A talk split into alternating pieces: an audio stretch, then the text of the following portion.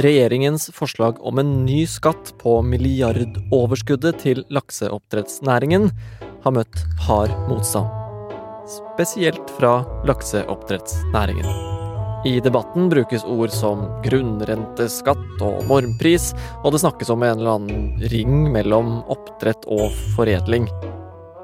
Så hva betyr alt det her? Og hvorfor bør vi bry oss? Norge er et land som er svært rikt på naturressurser, og derfor er det også svært viktig at disse naturressursene blir forvalta på en måte som gjør at det kommer også fellesskapet til gode. Er dette en reell trussel for laksenæringen, eller handler motstanden om å bevare det store overskuddet? Du hører på Forklart fra Aftenposten, og jeg heter David Vekoni. I dag er det mandag 21. november.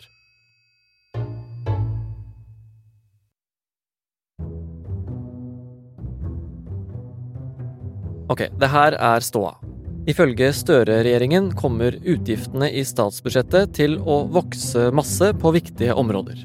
Derfor trenger vi også økte inntekter for å ha råd til god velferd til alle. At inntekter fra våre felles naturressurser kommer fellesskapet til gode og fordeles rettferdig.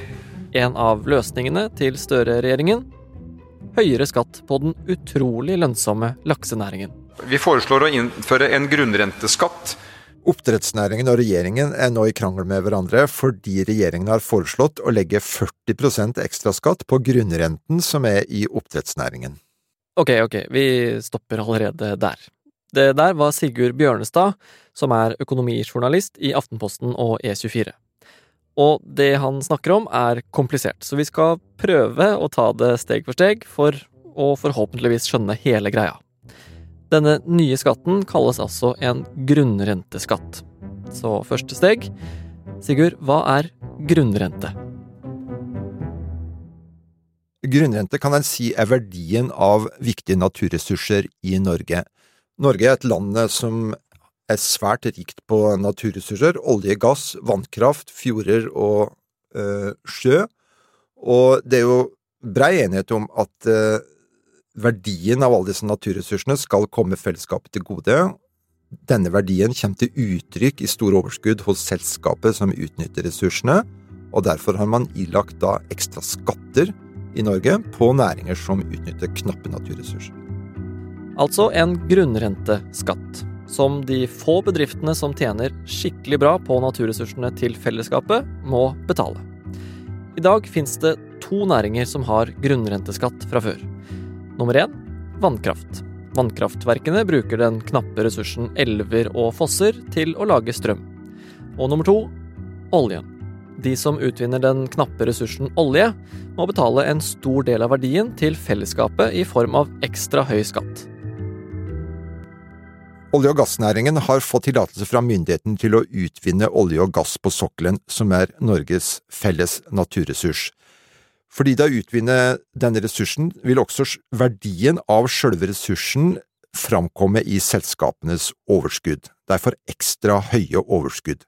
Og på disse ekstra høye overskuddene har myndighetene ilagt ekstra høye skatter for å dra inn denne verdien til fellesskapet, det vil si som inntekter til staten, som så kan brukes til å betale utgifter på statsbudsjettet.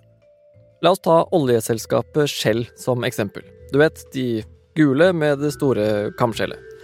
De har altså en oljeplattform som pumper opp olje fra vår felles ressurs.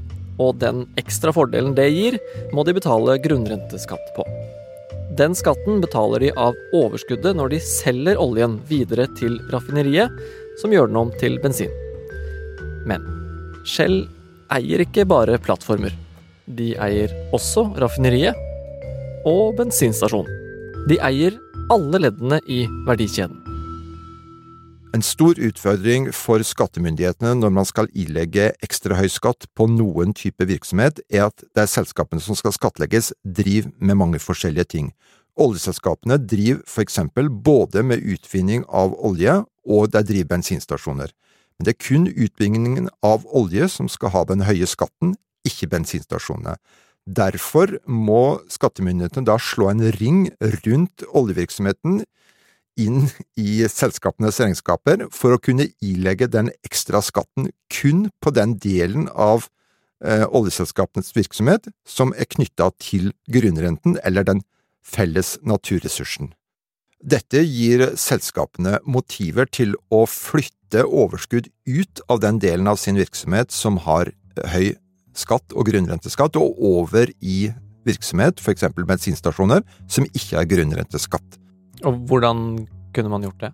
Det kan selskapene gjøre ved å sette prisen på den oljen de leverer til bensinstasjonen lavt, sånn at overskuddet i utvinningen, der det er grunnrenteskatt, blir lavt. Og så blir overskuddet tilsvarende høyt i bensinstasjondelen, som får billig olje, men der er skatten lav. På den måten kan oljeselskapene unndra seg skatten på grunnrente, som er høyere enn andre skatter. Ok, så de selger bensinen til seg selv billigere enn det de ville gjort, for å heller tjene alle pengene, eller mest penger, på bensinstasjonen? De selger eh, oljen billig til seg sjøl for å få lavest mulig skatt, ja. Så de legger, flytter overskuddet fra der det er høy skatt, til der det er lav skatt. Og hva er det man gjør for å unngå det, da? For å unngå dette så sier skattemyndighetene at da vil såkalte normpriser gjelde. Eh, normpris er at da sier myndighetene at olje levert fra for eksempel Shells utvinningsvirksomhet via raffineri inn til Shells bensinstasjoner, det skal prises med en gitt pris som myndighetene har fastsatt. Og ved at uh, denne prisen gjelder uansett, så kan ikke uh, oljeselskapene flytte overskudd ut av utvinningen for å spare skatt. Det er myndighetenes pris som gjelder for skattleggingsformål uansett. Og det er det her regjeringen nå vil innføre for oppdrettsnæringen. De vil gjøre den til den tredje næringen som må betale grunnrenteskatt, sammen med vannkraft og olje, og innføre denne normprisen på laksen. Et konsept som funker fint for de to andre næringene på lista. Så hvorfor er det så dårlig stemning blant lakseoppdretterne? i hvert fall et svik. Ikke nødvendigvis bare til undertegnede, men til hel næring. Det er jo det som er problemet.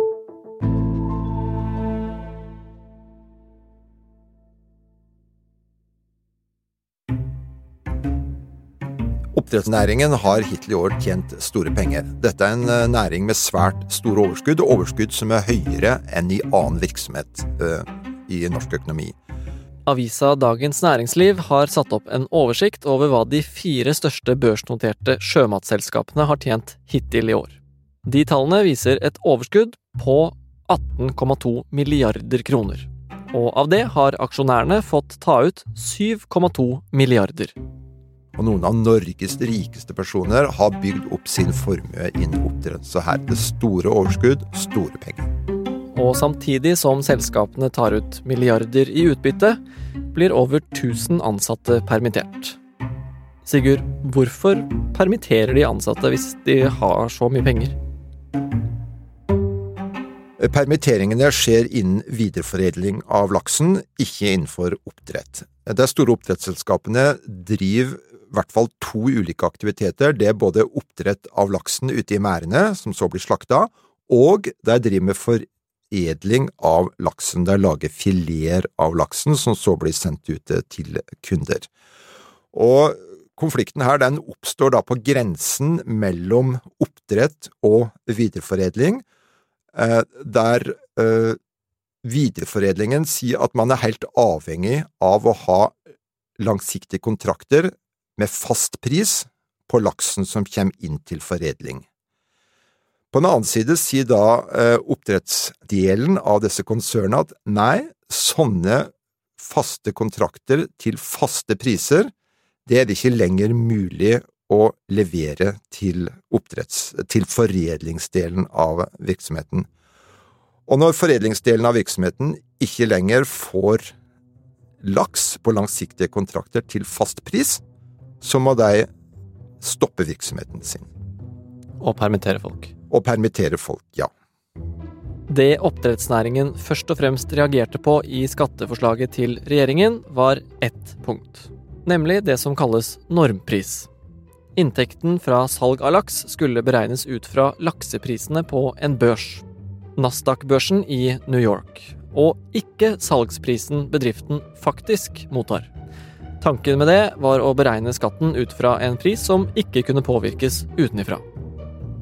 Men en flytende pris som det her gjør det vanskelig når oppdrettsnæringen jobber med langsiktige kontrakter. Sigurd, hvorfor er det sånn? Da svarer oppdrettsdelen av disse konsernene at nei, her har regjeringen foreslått at skattleggingen skal skje på grunnlag av en spotpris, altså en kortsiktig pris som man kan observere ute i markedet, som ingen enkeltoppdrettere for så vidt kan påvirke. Derfor skatt med utgangspunkt i sånne priser. Da er det for risikabelt å inngå langsiktige kontrakter til faste priser, som kan avvike fra den prisen det ble skattlagt for, det blir for risikabelt. Jeg vil heller skjelle alt til spotpriser, kortsiktige priser. Og dermed rammer det markedet for langsiktige kontrakter til faste priser, som foredlingsdelen sier skal må ha. Det markedet ramler bort. Så oppsummert kan man si at det er oppdrettsdelen av konsernet som ikke vil ta den risikoen som ligger i å levere på langsiktige, faste priskontrakter, når man blir skattlagt etter noen andre priser. Det laksenæringen fryktet, var at de måtte betale skatt som om de solgte for en høy pris, men at prisen de faktisk solgte for, var lavere. Og at man dermed ville endt opp med å betale skatt på inntekter man ikke fikk. Vi betaler ikke 30% vi betaler ikke 40% ikke 50 ikke 60 Vi betaler i dag 85 skatt, eh, Fredrik. Og dette var alt du måtte skjønne og vite for å forstå hva som egentlig var greia med hele laksekrangelen. Det er lov å være litt fornøyd nå, for å forstå grunnrente, normpriser og verdikjeder.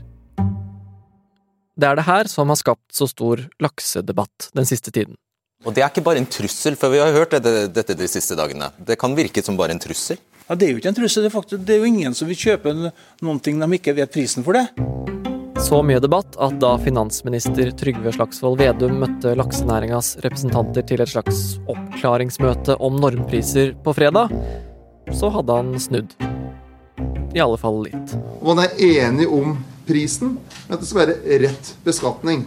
I det høringsnotatet som ble sendt ut om eh, skatt på laks, så står det at eh, spotmarkedsprisen, altså observerte markedspriser, skal være normprisen for all laksen. På fredag så sa Vedum at de nå vurderer å opprette et normprisråd, dvs. Si noen eksperter som skal fastsette priser for ulike vektklasser, for ulike tidspunkt, som skal brukes når næringen skal skattlegges, når næringens inntekter skal anslås. Så da har han gått fra det å bruke denne spotprisen hele tida, til å langt i retning av å bruke det som er faktiske priser som næringen har vært ute etter. Så han har på en måte kommet næringen litt i møte, da? Han har kommet næringen litt i møte, i den forstand at uh, han har nærma seg det å bruke såkalte faktiske priser, altså det som næringen oppnår i, uh, ved salget av laksen. Så det har han. Så da denne grunnrenteskatten som skal innføres uh, fra januar uansett, med litt justeringer nå, er det en trussel for laksenæringen, eller en korrekt utforma grunnrenteskatt skal ikke være en trussel mot noen næring. En korrekt utforma grunnrenteskatt skal ikke påvirke drift og investeringer i næringen, og avkastningen eh, i denne næringen etter skatt er betalt, vil fremdeles være høyere enn i andre næringer. Så jeg tror laksenæringen vil fortsette å være en stor og viktig næring i Norge i mange år framover, og det vil nok gå ganske godt i den næringen fortsatt. Betyr det at uh, alt bråket om uh lakseskatten er over, da, for denne gang? Nei, det tror jeg ikke, for næringen vil jo egentlig ikke ha grunnrenteskatt. De sier at de kan betale mer skatt, men de vil ikke ha grunnrenteskatt sånn som det er foreslått, så bråket tror jeg ikke går over.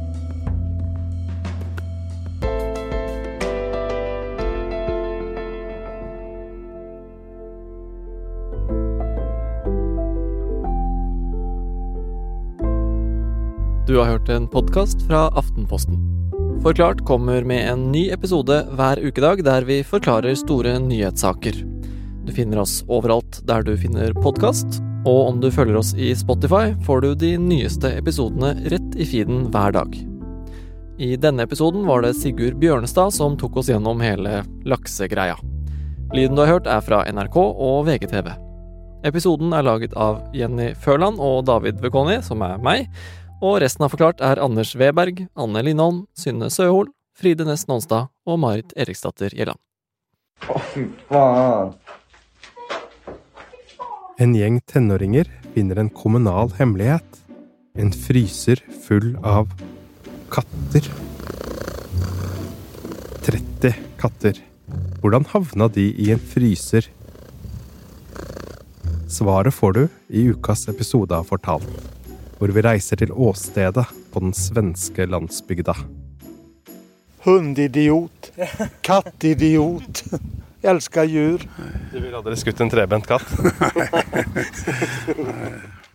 Hør episoden 'Frosne katter sladrer ikke' på ape.no fortalt, eller i Podme. Jeg må innrømme at jeg er faktisk litt allergisk mot katter.